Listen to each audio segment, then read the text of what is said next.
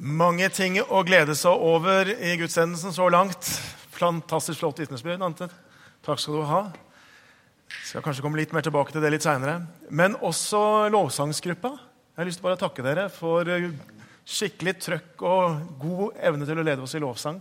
Det er en ganske ny gruppe. Ikke sant? Skal vi gi dem en liten applaus? Skal vi gjøre det?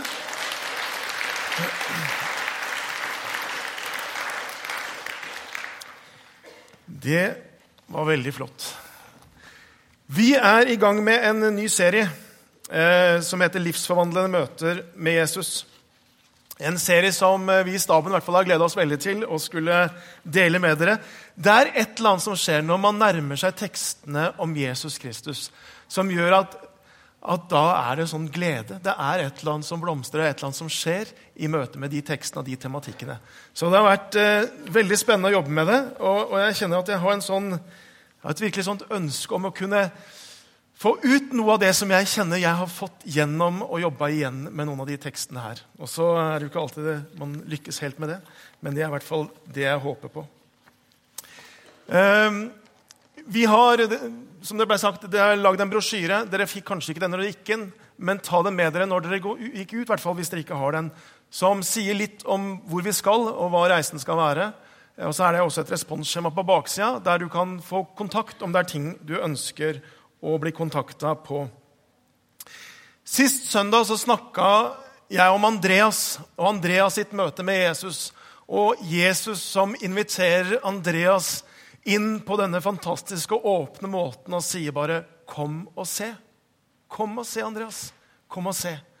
Um, og så skal vi gå videre. Neste gang så skal vi høre om Jesus som får et nattlig besøk av en rådsherre, og se hvordan det går. Vi skal møte Jesus i en situasjon hvor han blir utfordra til å felle dom over en kvinne som er tatt på fersk gjerning.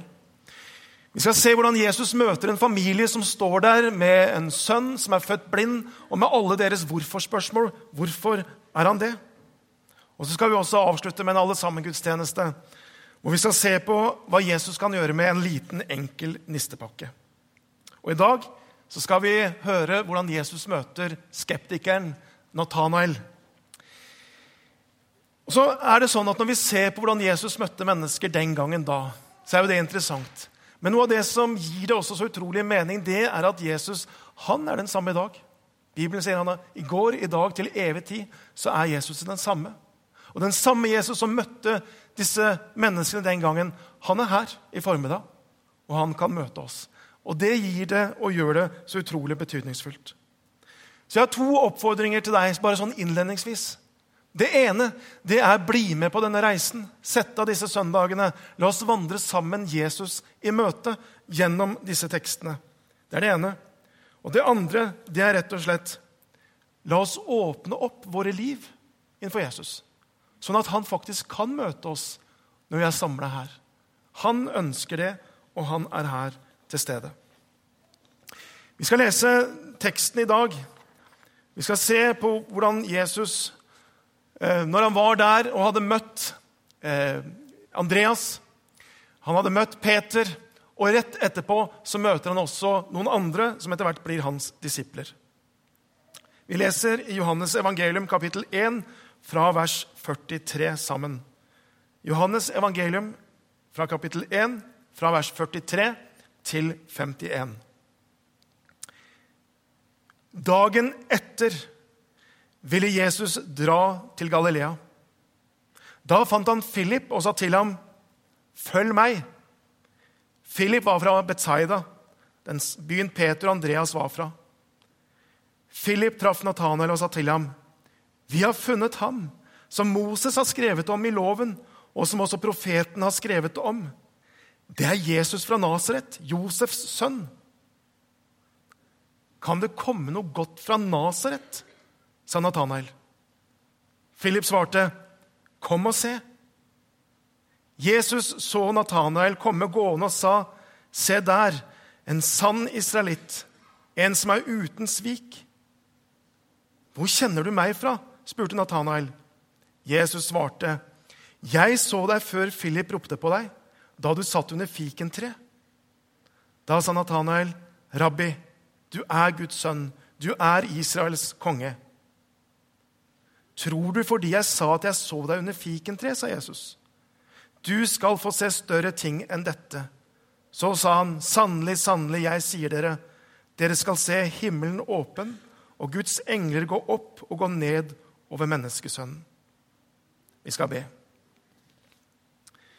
Kjære himmelske Far, jeg takker deg for ditt ord, ditt ord som er levende midt iblant oss. Og så ber vi, Herre, at du skal velsigne ordet for oss i dag. Amen. Og Det første jeg må gjøre, det er rett og slett å sortere arkene mine. De har kommet i feil rekkefølge. Det er jo ikke noe særlig.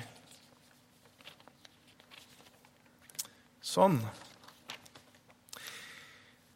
Sist søndag så snakka vi altså om hvordan Jesus møter Andreas, og hvordan Jesus har dette, denne invitasjonen som er så åpen, så fri, så utvunget, og bare sier 'Kom og se'. Kom og se. Sjekk ut fakta, undersøk Andreas. Kom og se hvem jeg er, og inviterer han inn. Og Andreas blir en disippel og finner sin bror Peter og bringer han inn i disippelflokken også. Og så ser vi at også Philip får disippelkallet fra Jesus. Følg meg. Og Philip blir en disippel. Og i møte med Jesus så skjønner Philip hvem Jesus er. Og så går han fra dette møtet full av entusiasme, full av begeistring, og på en måte bare må fortelle hvem han har sett, hvem han har funnet. Og Så treffer han Nathanael, og så sier han full av begeistring og entusiasme. og Du bare ser hvordan liksom alt er fylt. Og så sier han, 'Vi har funnet Han'. Vi har funnet han som Moses skrev om, vi har funnet han som profeten har skrevet om. Vi har funnet han, Messias. Det er Jesus Kristus fra Nasaret, Josefs sønn. Og så er det jo sånn noen ganger, Jeg vet ikke hvordan du er når du møter en som er så begeistra, nyfrelst. ikke sant? Hvordan du er da. Jeg vet litt om hvordan jeg kan være noen ganger. Men hos Nathanael så møter han ikke noen som responderer på begeistringen. Tvert imot. Han møter en som står der.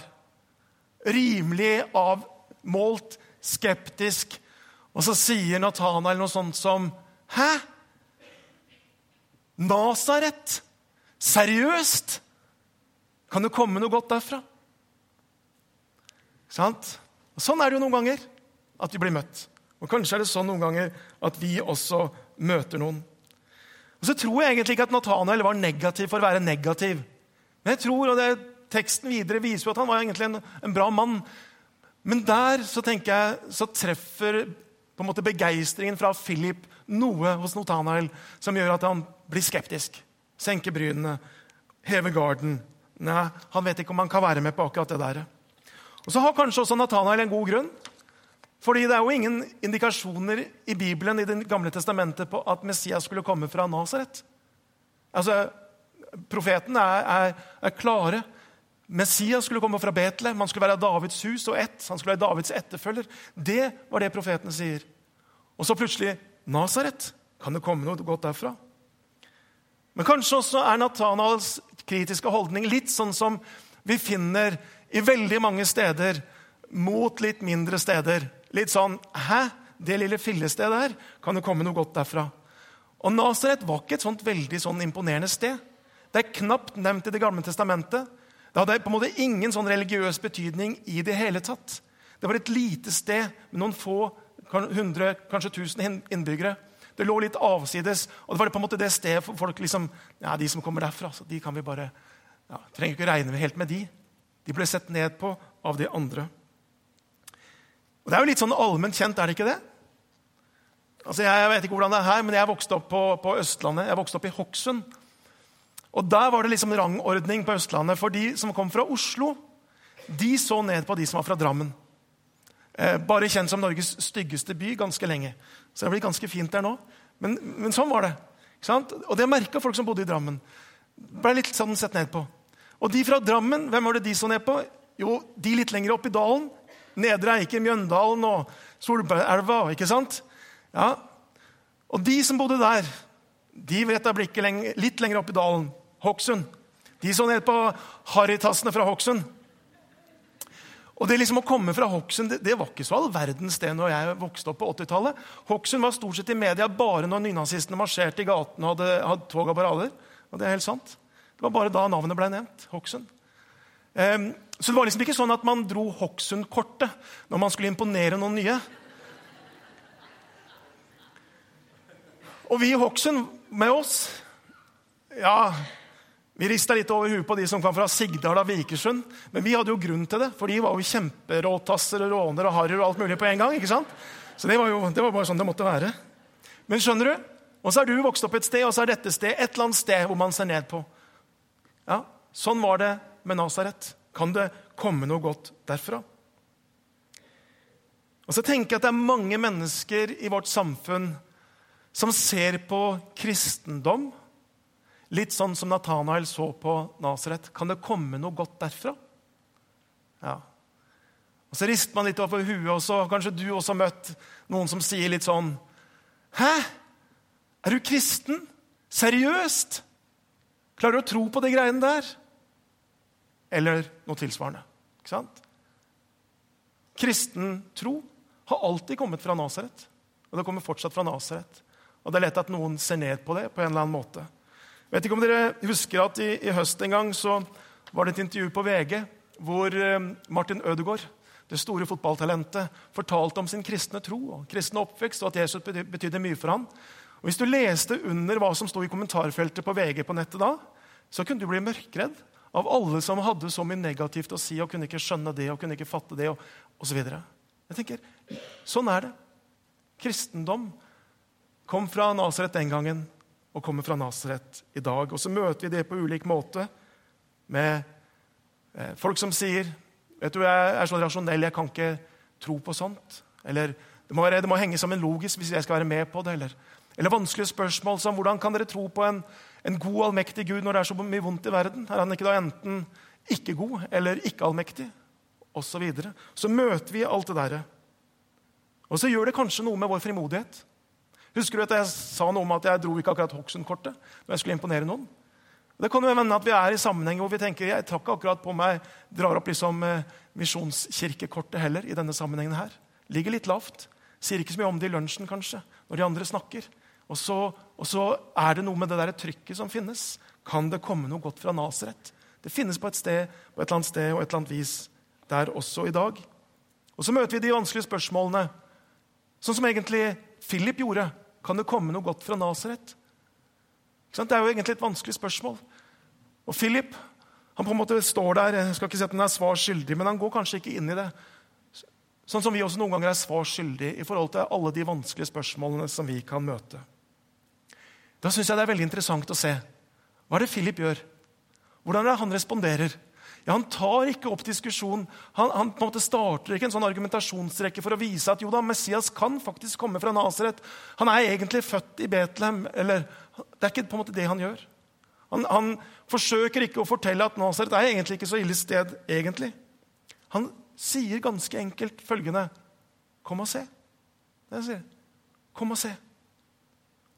Og det tenker jeg er også noe vi kan gjøre. Ikke, du trenger ikke gå på syv år på teologisk skole. Du trenger ikke å vite alt eller kunne alt eller ha alle svar for å kunne si akkurat det. Kom og se. Og så gjorde Philip det med en sånn overbevisning om at hvis han bare kommer og ser, så vil han faktisk oppdage og se hvem Jesus er. Han hadde en tiltro til at i møte med Jesus så skjer det noen ting som gjør at Philip blir forvandla. Kom og se. Og Det tenker jeg det kan vi også ha. Vi kan ha en frimodighet på Jesu vegne at hvis mennesker kommer og ser, ja, så vil de møte Han som Det nye testamentet snakker om. Da vil de møte Han som vi tror på, hvis de kommer og ser. Vi kan ha tro på det. Og så har jeg hørt mange nok vitnesbyrd bare den siste tiden om mennesker som nettopp har fått lov til å gjøre det. Og takk, Anette, for ditt vitnesbyrd. For det er akkurat det du viser oss. At hvis vi våger det der møtet, hvis vi våger å komme og se, ja, så møter Jesus oss. Og så skjer det noe i våre liv. Den frimodigheten kan vi ha til mennesker. Om vi ikke klarer å svare på alle spørsmål, så kan vi invitere dem inn til å komme og se, til å møte Han som vi tror på. Og Så er det et sceneskifte i denne fortellingen. Nathanael møter Jesus, står det. Om det er et tilfeldig møte, eller om Nathanael faktisk har blitt med Philip, og kanskje er det det som er trolig, men det står ikke veldig tydelig. Men der Idet Natanael nærmer seg Jesus, så sier Jesus noe til ham. Jesus tar initiativet og sier, 'Se der', sier han. En sann israelitt. En uten svik. Det er det Jesus møter han med. Det er det Jesus sier. Og Så tenker jeg på en måte, Hva er det som det ligger i det? Ordet 'svik' her kan oversettes på litt forskjellig måte. og det vil du se Hvis du leser flere bibeloversettelser, så er det litt ulik valør. Det kan bety en som er uten list, en som er uten skyld, en som ikke er falsk. Det det handler om, det er en som er transparent. En som er åpen, som på en måte ikke har noe skjult. En som er integrert, en som er hel ved. Og Det er det Jesus sier om Nathanael og bekrefter han på. En sann israelitt, en som er integrert, en som er hel ved. Og Så på en måte anerkjenner Jesus Nathanael i det møtet. Jeg vet med meg sjøl at jeg noen ganger er veldig skeptisk. Jannicke sier det av og til til meg, og så sier han, 'Å, du er så skeptisk, Jarle.' Ja, og Det er jeg noen ganger. For, og Selv om folk er aldri så begeistra, så må jeg liksom, jeg må liksom tenke det igjennom og undersøke. Og ja, er det sånn, eller åssen er det? Jeg er litt skeptisk. Da er det utrolig godt for meg å lese denne teksten her. Og så kunne se det at hvordan Jesus møter Nathanael. For I møtet der så er det ikke noe anklage, det er ikke noe kritikk. Det er ingen sånn Nathanael, du må bare akseptere at sånn er det. Det er ikke, Nå må du slutte med alle de vanskelige spørsmålene. Det er ikke, Du må bare tro det. Det er ikke det han blir møtt med. det hele tatt. Tvert imot. Det Jesus anerkjenner han for, det er nettopp det at han stiller noen spørsmål, at han må tenke sjøl, at han er litt kritisk, at han er skeptisk. Jesus anerkjenner det hos ham og sier, 'Det er bra, Nathanael. Sånn skal det være.' Sånn er du, sånn er du satt sammen. Det er fint. Og det er litt godt å kjenne på når man kan kjenne seg noen ganger veldig skeptisk. Og Når jeg ser på disse ulike møtene mellom Jesus og mennesker i Bibelen, så er det på en måte alltid dette her å åpne, dette frie møtet. Dette utvungne, uten sånne kroker på en måte og underliggende budskap. Det er liksom helt åpent. Til Andreas så sier han, 'Andreas, kom og se. Undersøk fakta. Gjør det opp en mening.' Hvem jeg er. Det sier han til Andreas. Til Nathanael sier han det er helt ålreit at du stiller spørsmål. Det er helt ålreit at du tenker kritisk. Det er helt ålreit at, at, du er sånn som du er. Til Thomas etter Jesu døde oppstandelse, og Thomas han sier skal jeg kunne tro, så må jeg på en måte kunne se det. Og Så står Jesus der foran Thomas og sier han, du, stikk hånden eller fingeren i, i sårene i hendene mine. Legg hånden i sida der spydet gikk inn. Det er på en måte dette utvungne, dette åpne. Til og med til den blinde Bartolomeus som sitter der blind og som ber Jesus om hjelp, ja, så går ikke Jesus rett inn i situasjonen på en måte og tar det for gitt at han vil bli frisk. Han står der foran han, og så sier han, 'Hva vil du jeg skal gjøre for deg?'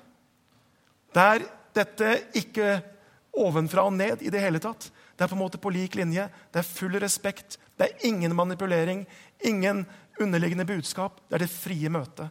Sånn møtte Jesus mennesker hver gang da. Og så tenker jeg, Sånn møter han også mennesker i dag. Han på en måte setter oss fri til å kunne være oss sjøl. Han setter oss fri til å kunne velge sjøl. Sånn er Jesus. Til og med den rike unge mannen husker dere han, som ville følge Jesus, men som når det kom til stykket ikke var villig til å på en måte forlate alt og følge Jesus. Han på en måte ville holde grep om en del ting sjøl. Og så står det at den unge, rike unge mannen han kommer til det. Nei, jeg er ikke villig til å følge Jesus. Og så går han bort. Og så står det at Jesus han blir lei seg, for han har blitt glad i denne rike unge mannen. Men så lar han bare gå. Han roper ikke etter han, han løper ikke etter han, han nøder han ikke, han, han pusher han ikke. Han lar han gå. Sånn er Jesus. Han respekterer oss så utrolig høyt. Hvordan vi er, hvordan vi er satt, skrudd sammen, hvordan vi tenker, hvordan vi reflekterer. Sånn er Jesus i møte med mennesker. Jesus bekrefter Nathanael og sier at han er en sann israelitt, en mann uten svik. Og Nathanael reagerer naturlig nok på det. Jeg vet ikke hvordan du hadde reagert. Her er det en som du ser for første gang. Og så er det plutselig som han har lest hele CV-en din og MyBricks-profilen og Disk-profilen. og Han vet akkurat hvem du er. Ja, Du hadde reagert, du også. Og det gjør Nathanael også. Han fyrer seg litt opp og sier, 'Hæ, hvor kjenner du meg fra?' Hvor kjenner du meg fra? Hvem har fortalt deg om meg? Er det Philip? Hvor kjenner du meg fra? Og så sier Jesus noe i møte med han. Han sier, 'Vet du hva, Nathanael? Før Philip ropte på deg, så så jeg deg. Allerede mens du satt under det fikentreet, så så jeg deg. Og så Når Nathanael hører det, så skjer det noe i han som gjør at han tenker vet du hva, det er bare Gud som vet hva jeg gjorde under det fikentreet. Det er bare Gud som vet det. Du er Messias, du er Israels konge. Du er den vi har venta på. Hva var det som skjedde under fikentreet? Nei, Det aner vi ikke noe om. Det står ingen steder det. Det står ingen steder hva Philip gjorde under det fikentreet. Men uansett så må det han har tenkt, det han har sagt, det han har kanskje grått over under det fikentreet, det må ha vært noe som bare Gud kunne vite. Og Når Jesus peker på det og sier 'Jeg så deg da', ja, så er det noe som er så dypt i hans personlighet. Det er noe som er så privat, det er noe som har så stor betydning at når Jesus peker på det, så går det opp for Nathanael hvem Jesus er. Sånn er Jesus. Han ser oss under våre fikentrær. Han vet hva som foregår på dypet av vår personlighet. Sånn er Jesus. Når jeg igjen leser denne teksten her, så kommer jeg til å tenke på noen ting som skjedde for ganske mange år siden for min egen del. Jeg var På, I 1987 så var jeg på DTS på Hawaii. Jeg var 20 år gammel. Det er en god stund siden. Og det var kjempeflott. Det var en kjempefin tid. Jeg opplevde veldig mye som var både veldig sterkt og bra.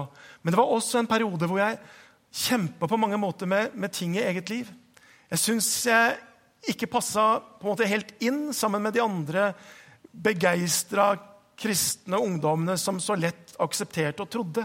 Jeg var nok litt som Nathanael. Jeg var litt kritisk, jeg var litt skeptisk. Jeg kjente meg uåndelig. Jeg kjente meg for lite utadvendt. Jeg kjente meg for lite frimodig. Det var så mange ting jeg følte jeg var for lite av, til at jeg liksom skulle passe inn både der og i forhold til egentlig det med, med menighet. Jeg kjempa med meg sjøl. Og Så var det en uke hvor det var en gjesteforeleser som kom inn. Han het Dan Sneed. Og hadde, Han hadde vel om identitet i Kristus. Og Så hadde vi en mandag, og så var dette på tirsdag. Og Mens han underviser, så stopper han plutselig på formiddagen der. Og Så sier han jeg tror Gud har en hilsen til noen av dere. Og Så var vi ca. 50 elever. Og Så peker han ut ca. 15 av oss, og også meg. Og Så begynner han en hilsen fra Gud til meg omtrent som følgende. Du sier at du er så annerledes. Du sier at du ikke har noen talenter. Du sier at du er den minste av Benjamins stamme. Og så fortsatte han å komme med en hilsen fra Gud om hvordan Gud skulle bruke meg, og på en måte hva jeg var i hans øyne. Og så bare kjente jeg meg så avkledd og naken på mange måter. For det var ord, og det var vendinger og det var tanker som jeg ikke hadde delt med noen. Som jeg bare hadde sagt til Gud og tenkt i mitt stille sinn. Og plutselig så hører jeg det uttrykt. Og det som jeg på en måte tenkte som negativt, ble gjort til noe positivt. Og hvordan Gud skulle bruke meg. Og så var det der noen få minutter der Det var et sånt livsforvandlende øyeblikk for meg. Og som betydde mye da, og som egentlig har vært en sånn skatt som jeg har tatt med meg siden. Og så visste jeg det. At Gud, han ser meg. Og Gud, han er glad i meg. Og Gud syns om meg. Og så var det på en måte en plattform å få lov til å bygge et liv og bygge en tjeneste på. Sånn er Jesus. Nathanael fikk et livsforvandlende møte med Jesus, som forvandla han fra en skeptiker til en sterk trone. Det var et personlig møte. Det var et møte som gikk på dypet. Og I møtet med Jesus så tror jeg Nathanael kjente seg sett, akseptert, elsket, som han aldri noen gang hadde opplevd det før. Og Ut ifra denne teksten så er det noen poenger som jeg har lyst til å trekke. Og Det ene det er at Jesus liker skeptikere. Og Hvis du er en skeptiker og kjenner deg igjen i det, så er det litt godt å høre. For det er ikke alltid det føles sånn. Men Jesus liker skeptikere. Sånn som han liker alle mennesker. Men skeptikere føler seg ofte som et hår i suppa, som stiller alle de dumme spørsmålene. Men Jesus liker dere som kjenner dere sånn. Det andre er at Jesus han kjenner deg til bunns. Han vet hva du tenker i ditt stille sinn når du sitter under ditt fikentre. Han ser alle dine tanker, han kjenner alle dine følelser. Og så elsker han deg allikevel. Han elsker deg sånn som du er, og bekrefter deg med, den, med din menneskeverd og med den som du er. Til dypet, sånn som ingen andre kan. Og Derfor er også Jesus den som kan være nettopp vår, vår nærmeste venn, vår beste venn, som forstår oss bedre enn det vi forstår oss sjøl. For mange ganger så er vi jo en gåte for oss sjøl. Vi skjønner ikke egentlig hva som foregår. Vi skjønner egentlig ikke hva, hvilke prosesser som er i gang. Men vet du, Jesus han skjønner det. Derfor så kan han være den som er tettest på oss, og vår beste venn. Et siste poeng, helt til slutt. Møtet mellom Jesus og Nathanael det avsluttes slik.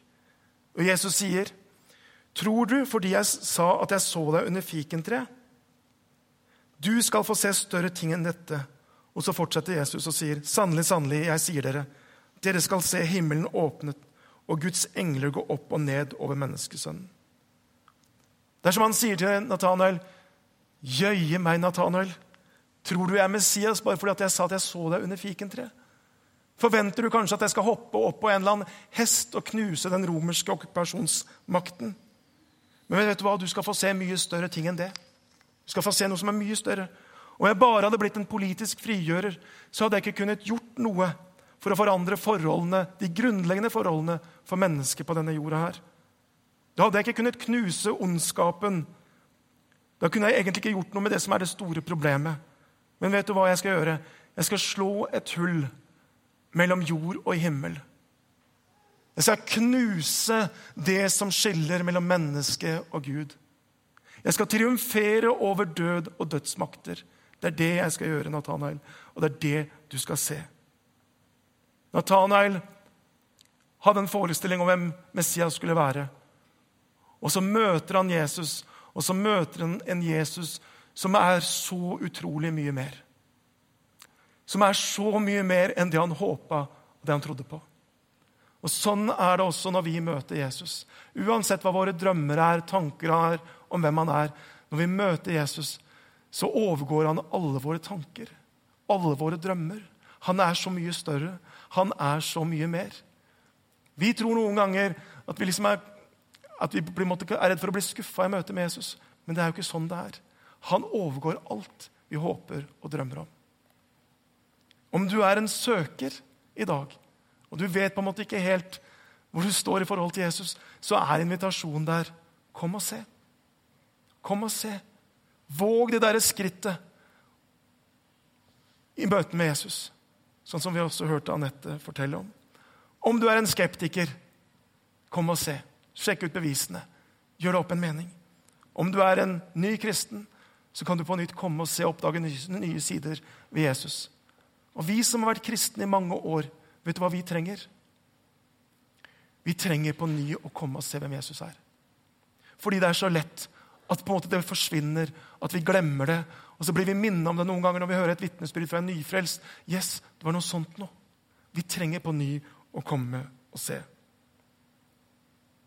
Og når vi kommer Han i møte, når vi kommer og ser, så vil vi oppleve å møte det som er langt mer enn det vi håpa på, det vi trodde på, og det vi forventa.